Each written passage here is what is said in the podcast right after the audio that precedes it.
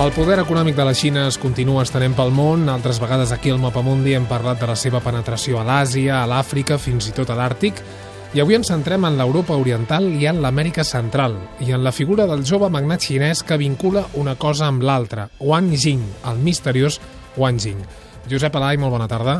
Bona tarda. De seguida ens expliques qui és aquest Wang Jing. Uh, abans, què tenen en comú les inversions xineses a dues zones del món tan separades l'una de l'altra com són l'Europa Oriental i l'Amèrica Central?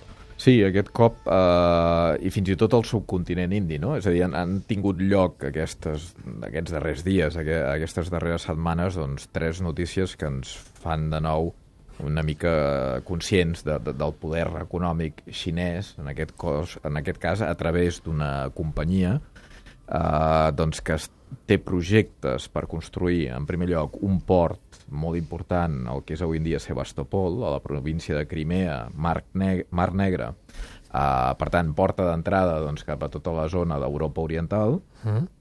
eh, actualment a dins d'Ucraïna. No?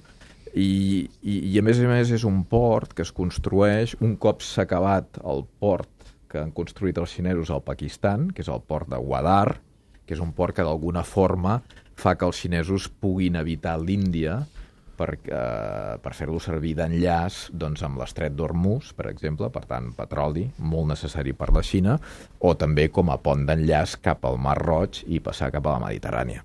Ja sabem que ells tenen també doncs d'alguna forma una base molt important, perquè negar-ho, a la ciutat de Barcelona, al port de Barcelona, després en tenen d'altres que intenten al Pireu, a Grècia, i ara ens en sorgeix una de nova, a través d'aquesta companyia del senyor Wang Jing, que de fet és propietari d'una companyia de telecomunicacions, una de les més importants de Xina, que té el monopoli de la instal·lació del sistema 3G i 4G dins de la Xina, i que a més a més, eh, d'alguna forma sorprenentment, però perquè ens n'adonem de fins on arriben doncs, els tentacles d'aquestes companyies xineses, és la mateixa companyia que té atorgat el projecte de construcció del canal de Nicaragua, que mentre, mentre nosaltres estem discutint, pensant, observant l'ampliació del canal de Panamà, tota la polèmica associada doncs, d'aquesta doncs, empresa espanyola doncs, que, que ara eh, ha portat problemes per la seva ampliació, eh, recordem que per molt projecte faraònic que sembli,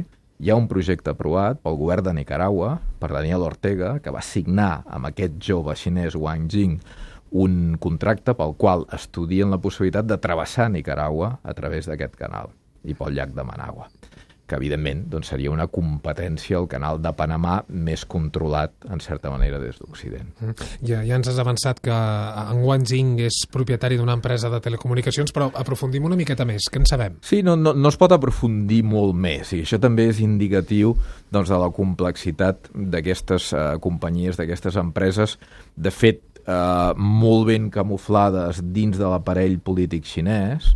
Eh, Wang Jing probablement doncs, és un personatge de l'entorn del president eh, Xi Jinping, també del primer ministre Li Keqiang, se l'ha vist en multitud d'ocasions en companyia d'ells, ells han visitat la seva digues, la seu i s'han deixat veure davant de la premsa eh, amb ell a la seu de la companyia de telecomunicacions que té, que té a la Xina.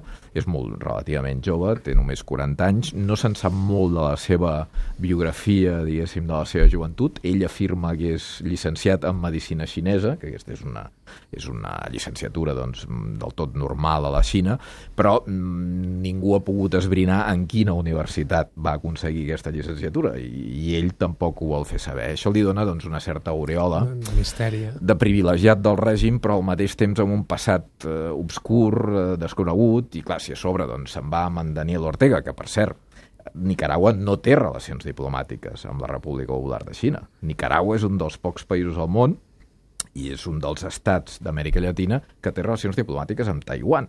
Per tant, reconeix Taiwan com a legítima representant de la Xina.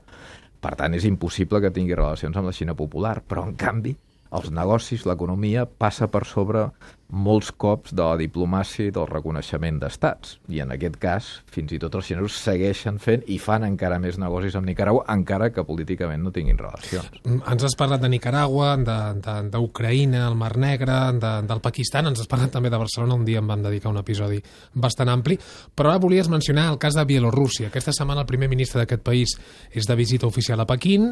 En què consisteix l'aliança entre Bielorússia i la Xina? Sí, en aquí en tenim un altre eh, molt particular mirant a Europa Oriental. No? En aquí parlem, a més a més, de terra. És a dir, eh, hi ha un parc industrial, un projecte de parc industrial que, que s'assigna a l'acord Bielorússia-Xina al juliol de l'any passat, que es tracta de construir 80 quilòmetres quadrats, molt a prop de la capital, de Minsk, just al costat d'un dels aeroports més importants de Bielorússia, un parc per establir-hi empreses de tota mena, algunes d'elles també de telecomunicacions, però de fet construeixen una gran ciutat en una zona que ara mateix són boscos i, i camps, on de fet se suposa que la Xina d'alguna forma vol instal·lar algunes de les seves companyies, per exemple, de producció automobilística, per muntar peces de cotxes fetes per cotxes a, eh, a la mateixa Xina, muntar-les a Bielorússia i distribuir-les a un gran mercat, perquè recordem que Bielorússia, juntament amb Rússia i Kazakhstan,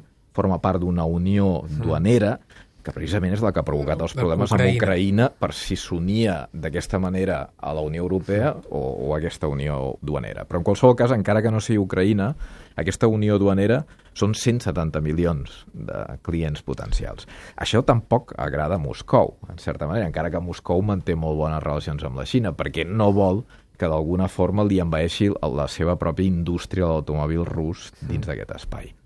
Això va combinat no només amb tecnologia i amb manufacturació, doncs, per exemple, l'automòbil, sinó també amb una altra notícia que sorgia a l'octubre, que era la, la possible compra de terres de cultiu a Ucraïna per fer servir per produir gra, per cultius, per criar porcs, etc etc. tinguem en compte que és un 5% del territori d'Ucraïna.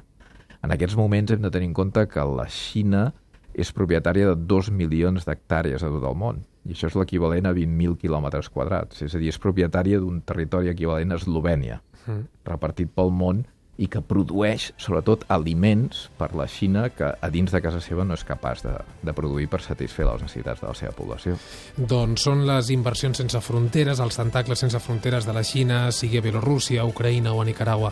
Uh, Josep Alai, gràcies un dia més per estar aquí al Mapa Mundi. Bona tarda. Gràcies a vosaltres i bona tarda.